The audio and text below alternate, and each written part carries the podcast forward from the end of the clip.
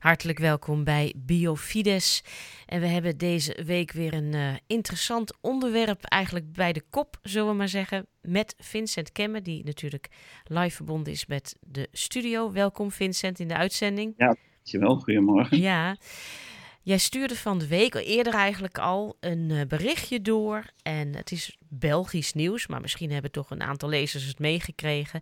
Dat er een open brief is verschenen als een reactie op een stuk dat broeder Stokman heeft geschreven in het tijdschrift waar jij hoofdredacteur van bent.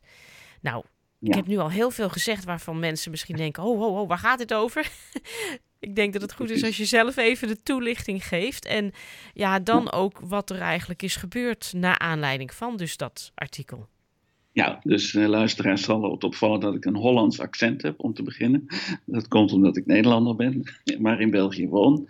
En uh, op basis van Biofides, het werk wat ik doe over het relatie tussen geloof en ons biologisch bestaan, ben ik ook hoofdredacteur van het Katholieke Artsenblad van België. Dat heeft een prachtige naam, Acta Medica Catholica. En daar hebben we in, uh, dat is dus een meertalig blad, want België is een meertalig land.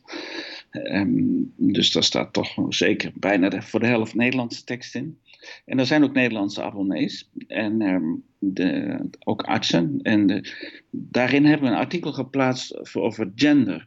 En dat artikel is van broeder Stokman, die noemt hij al even. Die is in Nederland wel een beetje bekend. Uh, bijvoorbeeld in Eindhoven ja. heb je de Broeders van Liefde in Eikenburg.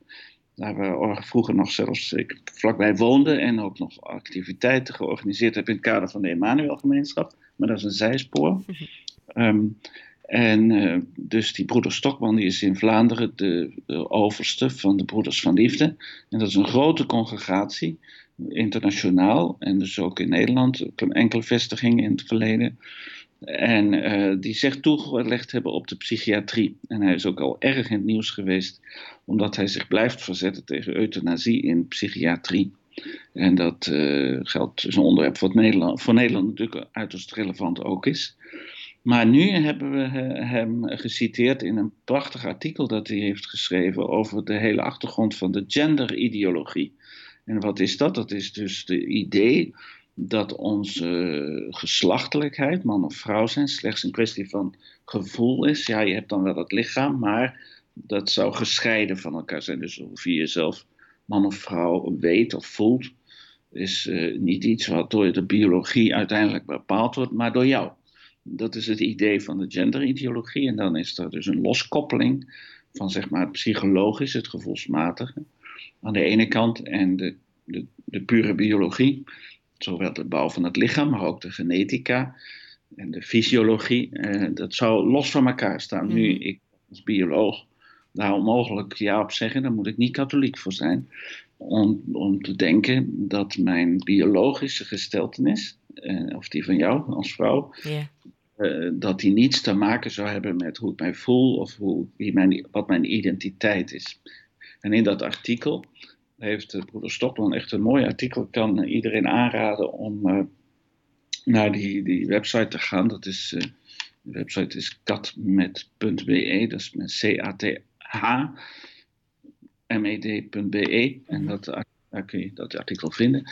En mijn commentaar daarop, want wat is er gebeurd? Het is hier in Vlaanderen, op de VRT, dus de Vlaamse NOS is dat tot niet in het journaal op, om acht uur s avonds, maar gelukkig, maar wel op de website beland, inclusief uh, het nummer, het titel van het blad, Acta Medica Catholica, en mijn naam ook. Uh, dus, uh, die, want ik ben de boosdoener, ik heb dat artikel geplaatst. Ja.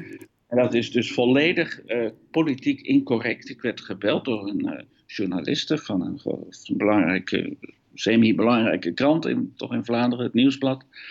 En uh, werd compleet overvallen. Wat is er gebeurd? Twintig professoren van de medische faculteit van de Universiteit van Gent hebben een open brief geschreven in woede uitgebarsten over hoe deze waanzin vandaag de dag in een medisch tijdschrift, wat ik dus mag invullen, mm -hmm. inhoud, kan verschijnen. Dus dat is uh, volkomen uh, ja, dat is volkomen niet van deze tijd en waanzin. En uh, daar hebben we dus op mogen reageren. Ik was eigenlijk wel blij, want de tijdschrift wat we maken, dat kent niet zo'n enorm grote oplage. Want welke arts, ook in Nederland, maar ook in België, verklaart zich openlijk vandaag nog katholiek en wil lid van een katholieke artsenvereniging. In Nederland hebben we zelfs de katholieke artsenvereniging uh, zien ten onder gaan. En nu zijn dan het mensen rond, uh, zeg maar vanouds rond kardinaal Eijk en de Stichting Medische Ethiek, die dat nu uh, in Nederland ehm, eh, levend houden. Mm -hmm. dus, dus er is weer iets waarin een katholiek Even voor de duidelijkheid, Vincent. Dus dat artikel dat is gewoon in het tijdschrift verschenen. Maar er is op een gegeven moment dus een groep wetenschappers geweest. Uh, van de faculteit Geneeskunde en Gezondheidswetenschappen.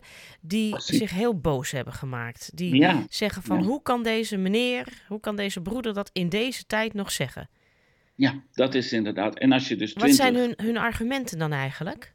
Ja, dat is mijn, eh, mijn grote kritiek op hun. En dat is ook te lezen op die website die ik net noemde, katnet.be.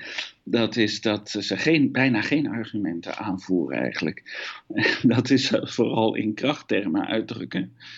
Dit kan niet en hoe is het mogelijk in een medisch tijdschrift en sterke taal. En ze komen uiteindelijk, in, naar mijn telling, in hun brief, een open brief, aan alle kranten van Vlaanderen gestuurd, hebben, komen ze tot twee uh, inhoudelijke zaken. Mm Ene is wat, men, wat we hier ook al eens vaker besproken hebben, dat is het zogenaamde interseksualiteit. Alsof seksualiteit dus een vloeiend ding zou zijn. Dus je hebt een soort van schaal van mannelijk naar vrouwelijk, maar iedereen zit daar ergens waar die, waar ja, die, waar die, zich prettig voelt. Waar, waar die wil zitten. Ja, ja. Dus dat is nou, dat onderwerp heb ik hier al eens behandeld. Er is in feite, wat er aan de hand is, is dat er een aantal aandoeningen bestaat, die het zij genetisch zijn, het zij uh, lichaam, fysiologisch, dat we zeggen mhm. stofwisseling. Of, of in, en die maken dat sommige uh, kinderen die geboren worden, daarvan het geslacht op zo direct niet helemaal, helemaal duidelijk is. Ja.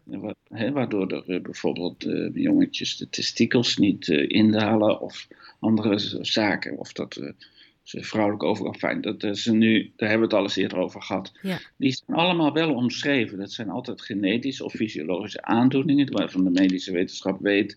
Ja, het is een beetje vergelijkbaar, als ik dat mag doen, met uh, het Down-syndroom. Ja. Waar, waarvan weten we dat op het plaatsje nummer 21, in plaats van 2, drie chromosomen uh, zijn de 23 hè, 21ste chromosoom, dat er drie zijn. En dat betekent dat er een, te veel genetisch materiaal die locatie is. En dat dus dat er zich uit in de, in de bouw, in de fysiologie, in de werking ook van de hersenen zelfs, ook van het hele lichaam van die mensen die wij dus uh, zeggen, waarvan wij dus zeggen, dit is het Down-syndroom. Dus ja, ja. En, en denk voor de duidelijkheid, iemand met bijvoorbeeld het syndroom van Down is helemaal niet minder mens, maar uh, ja, zit gewoon anders in elkaar.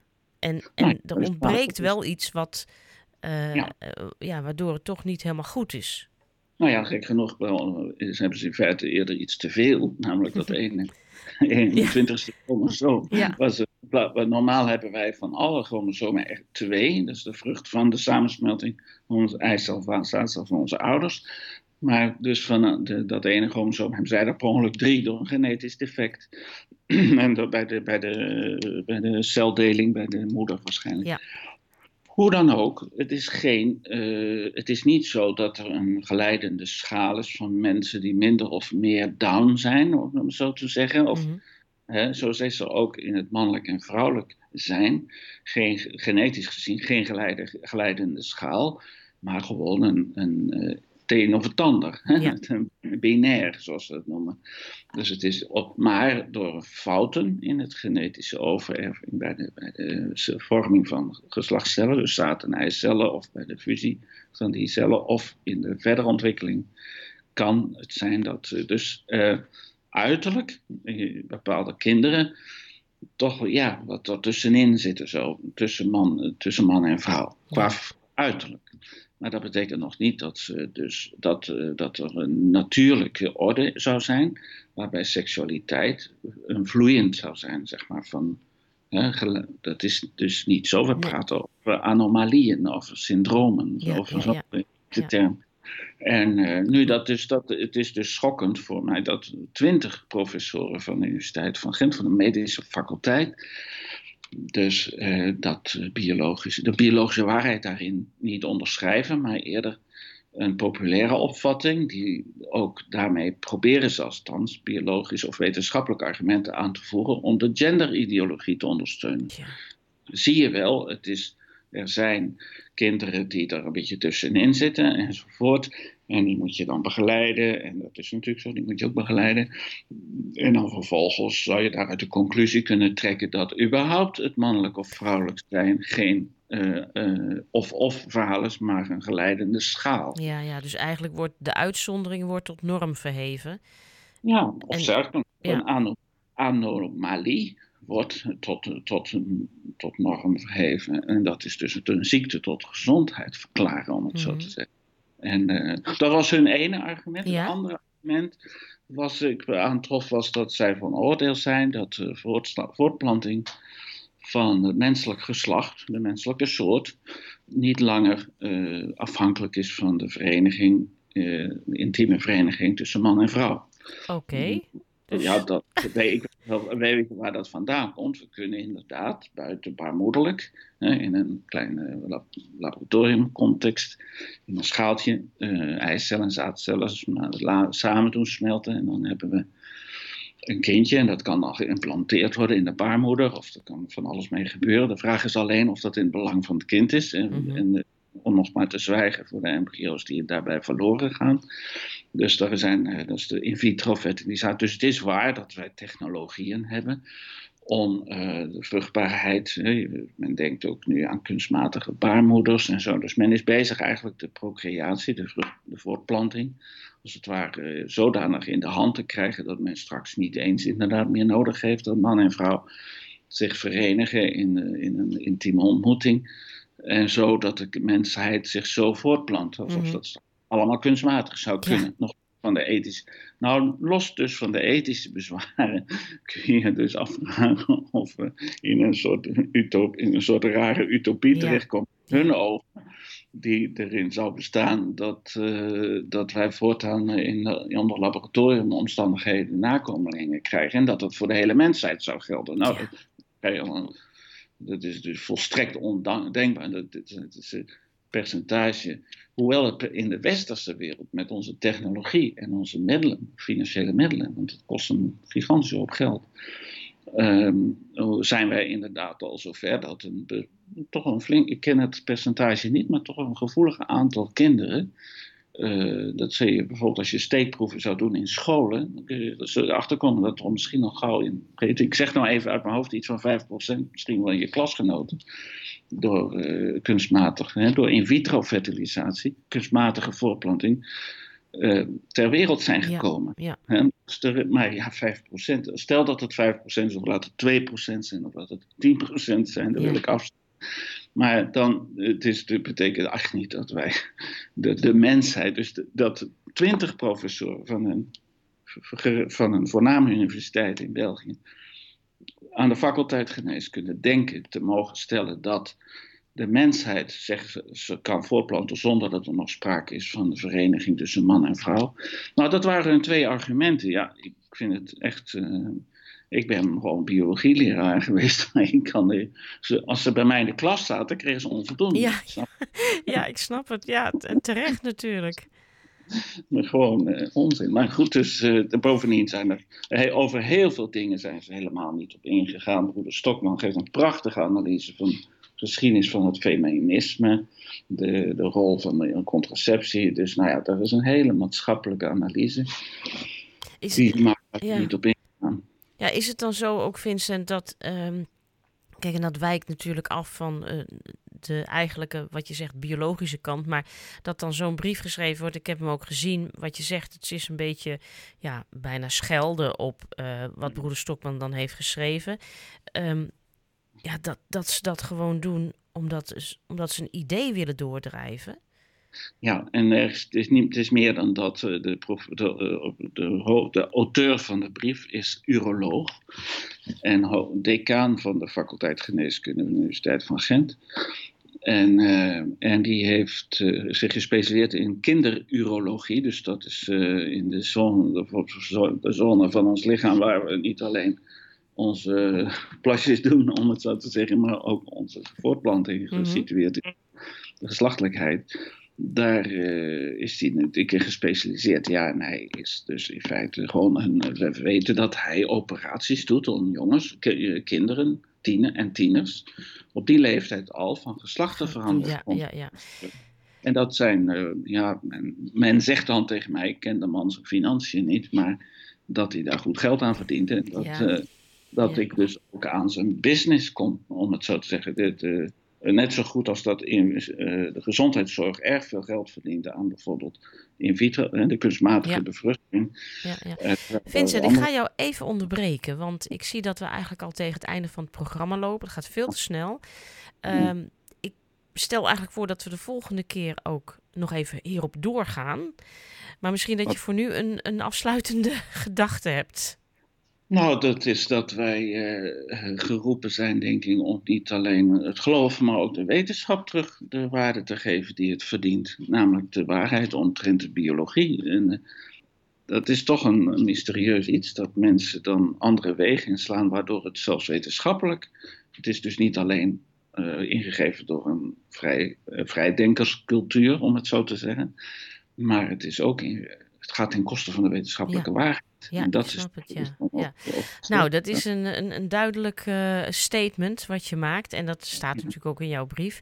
En ja, ik wil je danken voor uh, deze uitzending van Biofides.